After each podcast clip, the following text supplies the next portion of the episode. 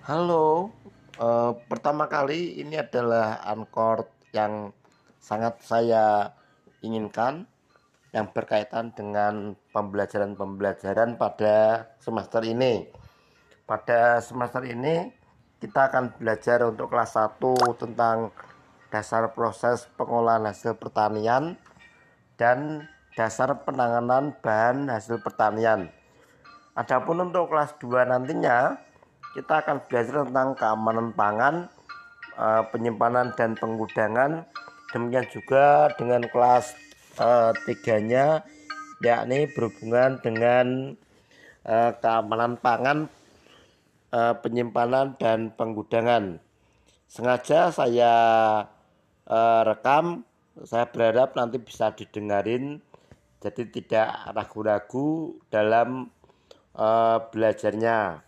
Untuk kelas 1 nantinya setelah kalian melakukan MPLS, materi pengenalan lingkungan sekolah, kalian akan uh, bergelut dengan Google Classroom, Google Classroom. Ini adalah uh, tool bagi seorang pelajar pada zaman pandemi ini bagaimana nanti gampang memulai sebuah pembelajaran baik materi ataupun evaluasi akan terdapat di sana. Untuk pelajaran yang saya ampu, baik keamanan pangan ataupun eh, dasar penanganan bahan dan dasar pengolahan, dasar proses pengolahan, saya nanti akan menggunakan kuisis. Kuisis ini sengaja saya eh, gunakan karena satu gampang dalam mengerjakannya dan nilainya langsung keluar pada saat kalian membutuhkan untuk mengetahuinya. Dan ketika sudah kelar dalam mengerjakannya dapat dipastikan kalian bisa melihatnya pada uh, Google Classroom yang kalian miliki. Di sana akan tertera nilainya. Untuk siswa yang tidak mengerjakan uh, di saat waktu yang sudah ditentukan uh, selesai ataupun waktu pengerjaannya sudah kelar itu nantinya akan mendapatkan nilai nol. Nilai nol itu menandakan bahwa kalian lost dalam uh, sebuah uh, pertemuan. Makin banyak loss yang kalian alami maka persentase globalnya nanti pun akan makin kecil. Akan makin kecil yang membuat uh, nilai yang kalian dapatkan tidak maksimal. Tetapi bagi yang uh, rajin dalam mengerjakannya walaupun mungkin nilainya sedikit ataupun tidak terlalu tinggi itu uh, membuat nilai yang kalian dapatkan sedikit jauh lebih baik dibandingkan yang loss dari awal tadi. Terus kemudian ada beberapa hal lagi nanti untuk yang namanya Eh, penilaian tengah semester ataupun penilaian akhir semester ataupun ulangan harian semua saya lakukan secara online lewat QSIS yang nanti saya sebarkan di Google Classroom. Itu sedikit banyak yang saya uh, berikan, mungkin bisa dilanjutkan lain kali. Terima kasih. Selamat pagi para siswa semuanya. Pada kesempatan ini kalian harus tahu bahwa dalam pembelajaran nantinya ada beberapa hal eh, kompetensi dasar yang menjadi penekanan dan itu adalah bagian yang penting sekali terhadap apa yang menjadi mata pelajaran-mata pelajaran yang saya ampu. Saya akan coba review dari pelajaran eh, keamanan pangan penyimpanan dan penggudangan. Jadi dalam pelajaran ini yang paling penting yang kalian mesti kuasai dengan baik-baik adalah satu tentang pengujian organoleptik. Pengujian organoleptik ini memegang peranan penting bagi kalian dalam mendukung keilmuannya di bidang keamanan pangan. Demikian juga selain untuk keamanan pangan itu merupakan juga sensoritas kalian bagi beberapa makanan-makanan yang bisa kalian identifikasi memiliki kerusakan atau tidak dalam pengolahannya. Terus kemudian selanjutnya selain uh, tentang uji sensori atau uji organoleptik, yang berikutnya yang penting adalah tentang uh, GMP. GMP atau uh, Good Manufacturing Practice ini adalah tata kelola tata pengolahan atau tata cara mengolah makanan yang baik. Ini penting kalian ketahui karena untuk ngedukung kalian buat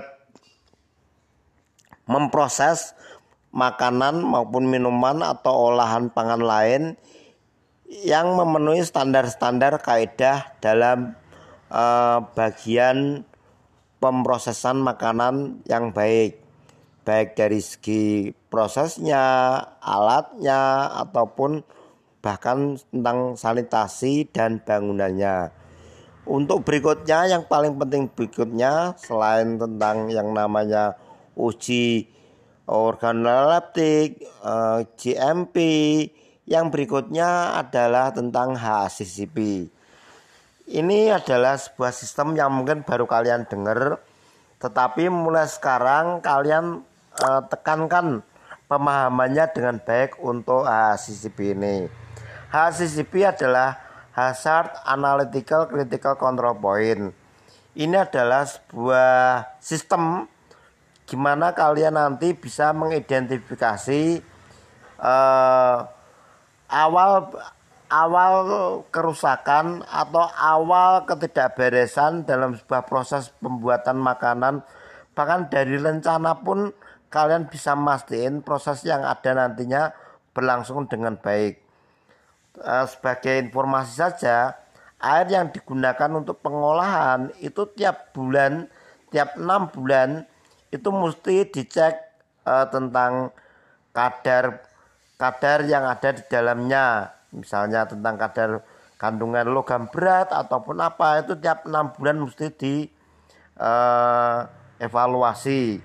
Demikian juga dengan kandungan-kandungan yang terdapat dalam Eh, faktor-faktor pendukungnya. Misalnya untuk penggunaan bahan tambahan pangan ataupun yang lain itu diadakan pemeriksaan dengan periode-periode tertentu. Untuk berikutnya yang selain uh, tiga tadi, yang lebih penting lagi adalah tentang sanitasi industri.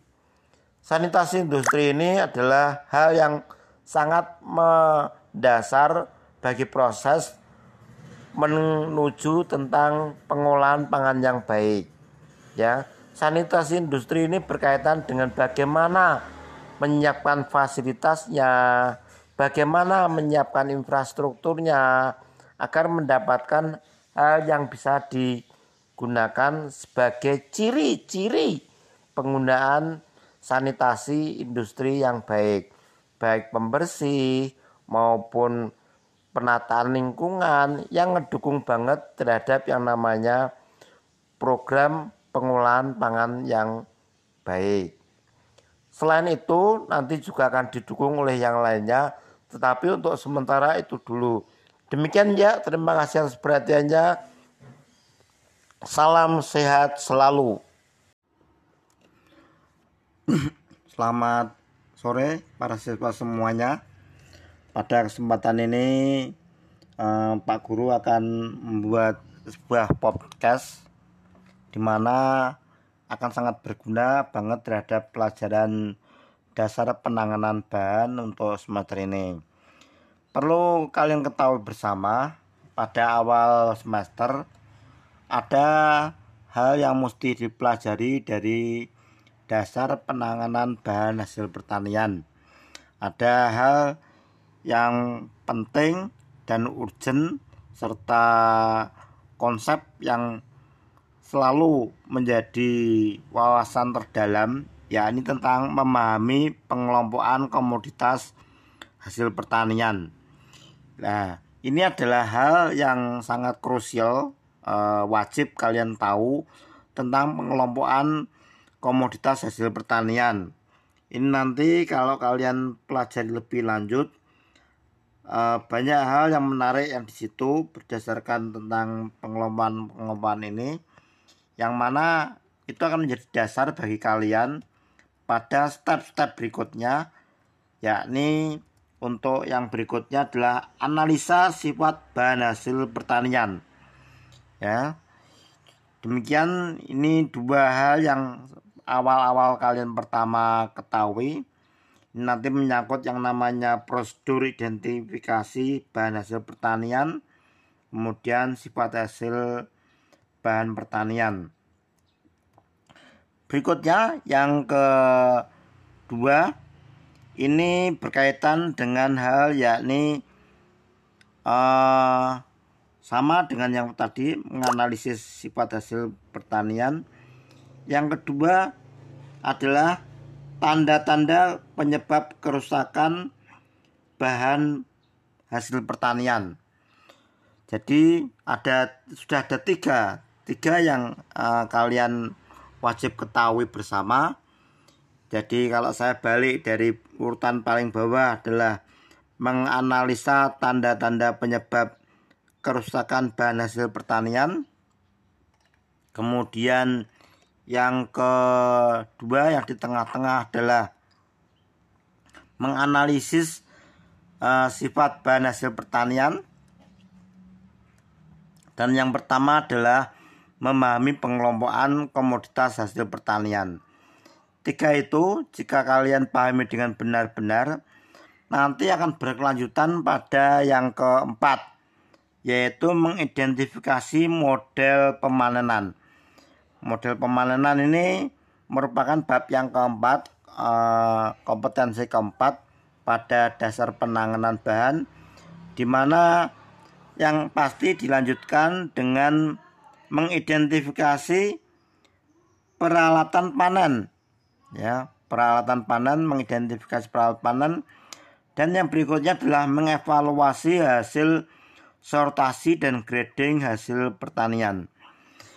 Bab-bab itu yang uh, sampai ke 6 yang mungkin kalian nanti bisa pahami dengan baik. Sebenarnya masih ada yang ketujuh yang ke 8 juga ada kalau yang ketujuh itu adalah berkaitan dengan menerapkan teknik-teknik pembersihan pengupasan uh, kulit bahan hasil sesuai dengan standar kemudian yang ke-8 adalah menerapkan pengemasan hasil panen dan ke-9 menerapkan penyimpanan hasil panen. Setelah yang ke-10 adalah mengevaluasi penyimpanan hasil panen. Ada 10 yang mungkin mungkin bisa diapalin ya. Tapi sebenarnya yang penting itu adalah bagaimana kalian memahami itu memilih beberapa bab yang sudah saya komunikasikan tadi menjadi hal-hal yang menarik bagi kalian untuk dipelajari.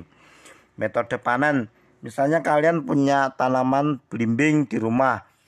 Belimbing yang menjadi primadona daerah ngerobokan, apalagi awal-awal itu ditandai dengan penanaman massal di wilayah Taung Harjo arah Nggodan itu menjadi kebun bimbing nasional yang banyak disukai karena belimbingnya besar dan manis.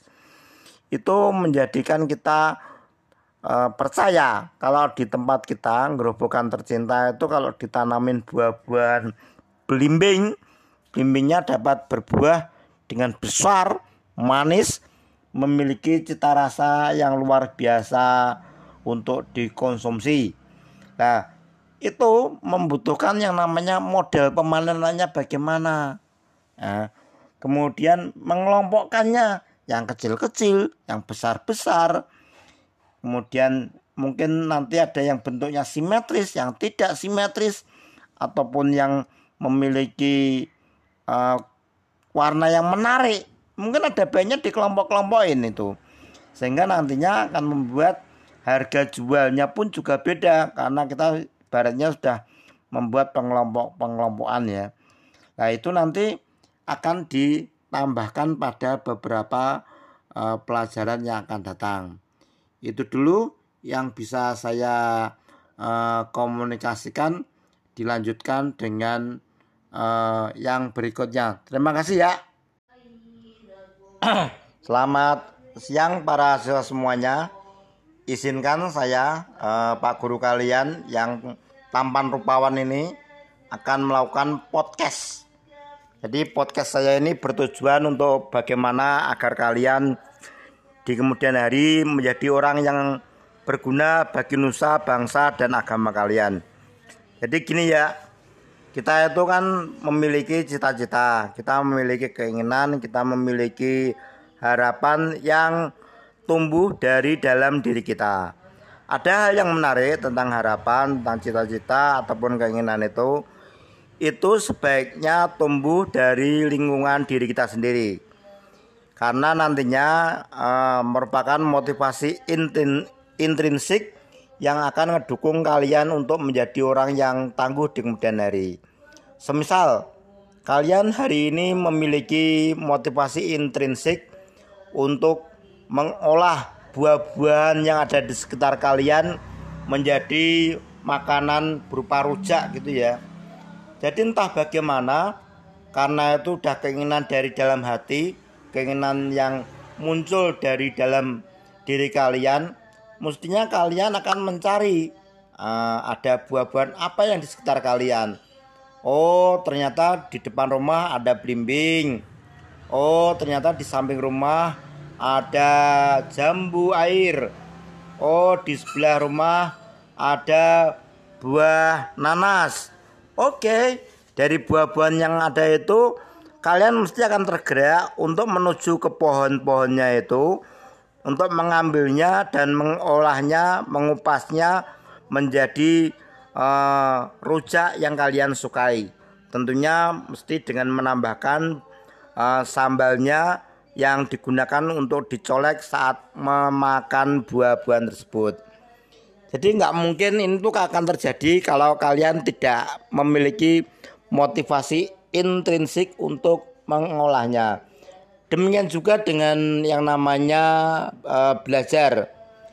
Belajar itu sebaiknya adalah dengan mengkaitkan apa yang ada saat kalian membaca, saat kalian mengetahui sesuatu yang baru itu dengan apa yang ada dalam uh, pikiran kalian. Semisal, semisal aja. Dulu saya pernah uh, mencoba mengkaitkan antara misalnya pengalaman naik sepeda saya dengan uh, pelajaran olahraga. Ternyata ketika kita bersepeda maka itu ibaratnya kita berolahraga karena sudah mendapatkan uh, apresiasi tentang bagaimana menggenjot sepeda agar mendapatkan apa yang diinginkan. Nah, itulah yang terjadi pada diri saya. Mungkin itu dulu ya. Terima kasih. Selamat siang para siswa semuanya. Uh, izinkan saya yang sudah bangun tidur siang untuk berbicara di depan handphone untuk melakukan podcast pada siang yang cerah ini.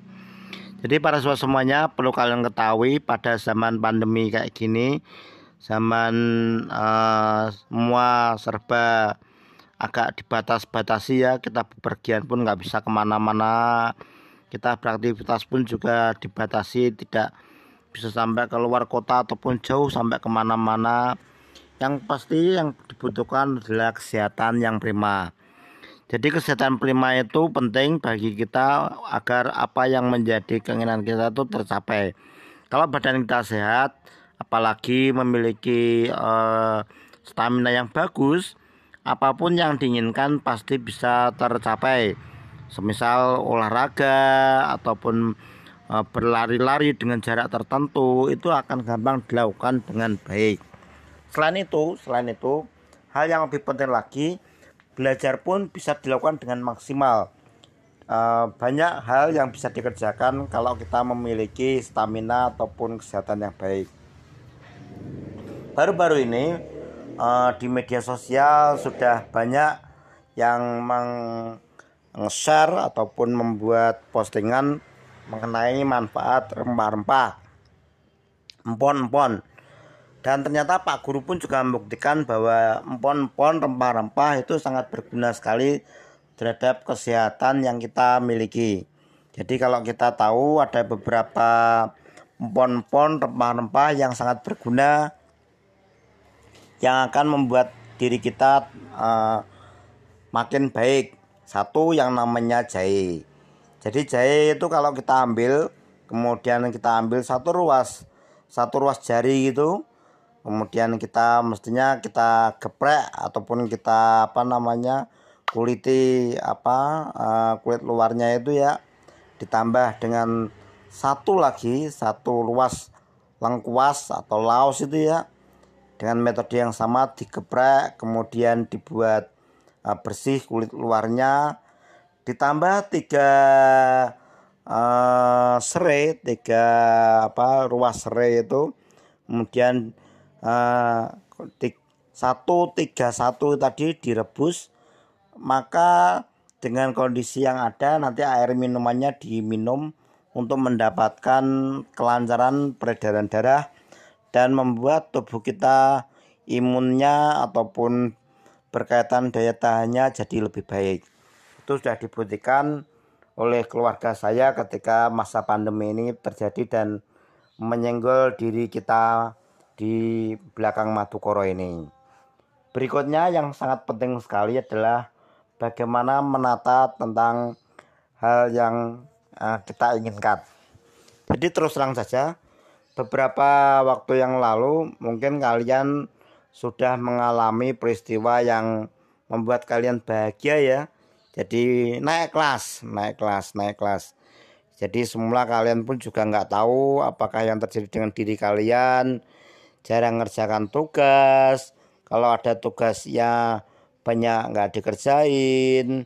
Kemudian kalaupun ngerjakan tugas ya asal-asalan tapi karena kemurahan hati, karena kebaikan dari Bapak Ibu guru kalian, kalian tetap bisa naik kelas, kalian tetap bisa mendapatkan apa uh, pendidikan yang baik walaupun bagi saya sendiri mungkin ya inilah zaman pandemi seperti ini dengan kondisi yang ada yang penting adalah membuat siswa bahagia membuat siswa menjadi daya imunnya lebih meningkat, membuat siswa lebih bisa bertahan dengan kondisi yang ada.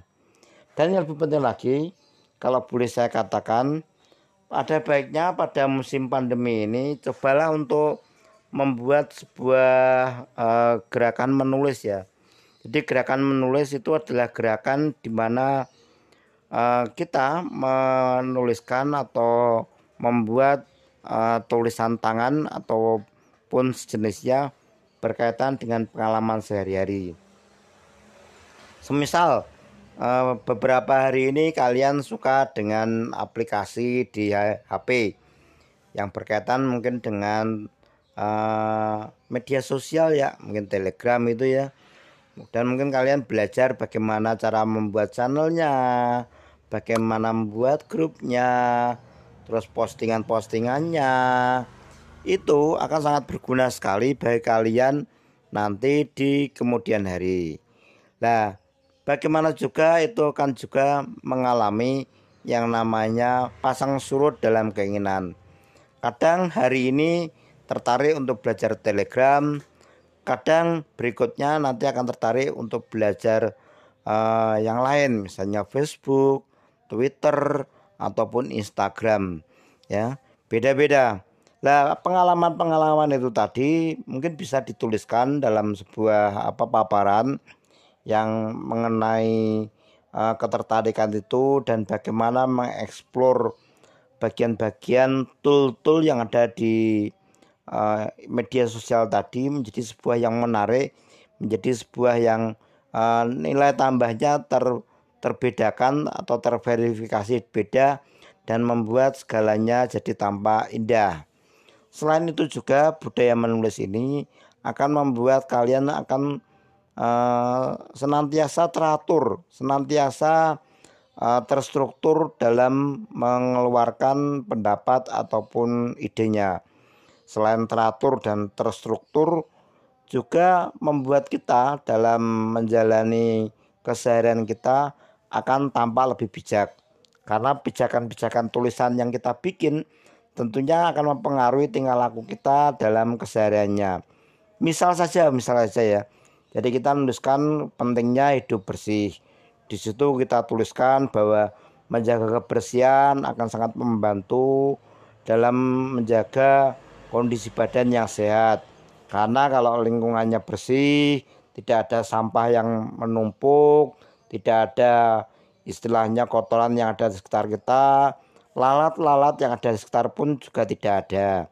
Nah kondisi ini tentunya membuat uh, penyebaran penyakit yang disebabkan oleh lalat ataupun yang me, uh, menghinggapi uh, kotoran-kotoran itu tidak ada. Ini akan sangat menarik sekali sehingga uh, kemudian hari kita pun hidupnya juga lebih tertata karena kita pernah nulis seperti itu. Dan lain lagi yang uh, berikutnya. Oke ya, itu dulu yang saya bisa lakukan. Terima kasih atas uh, perhatiannya. Uh, selamat istirahat.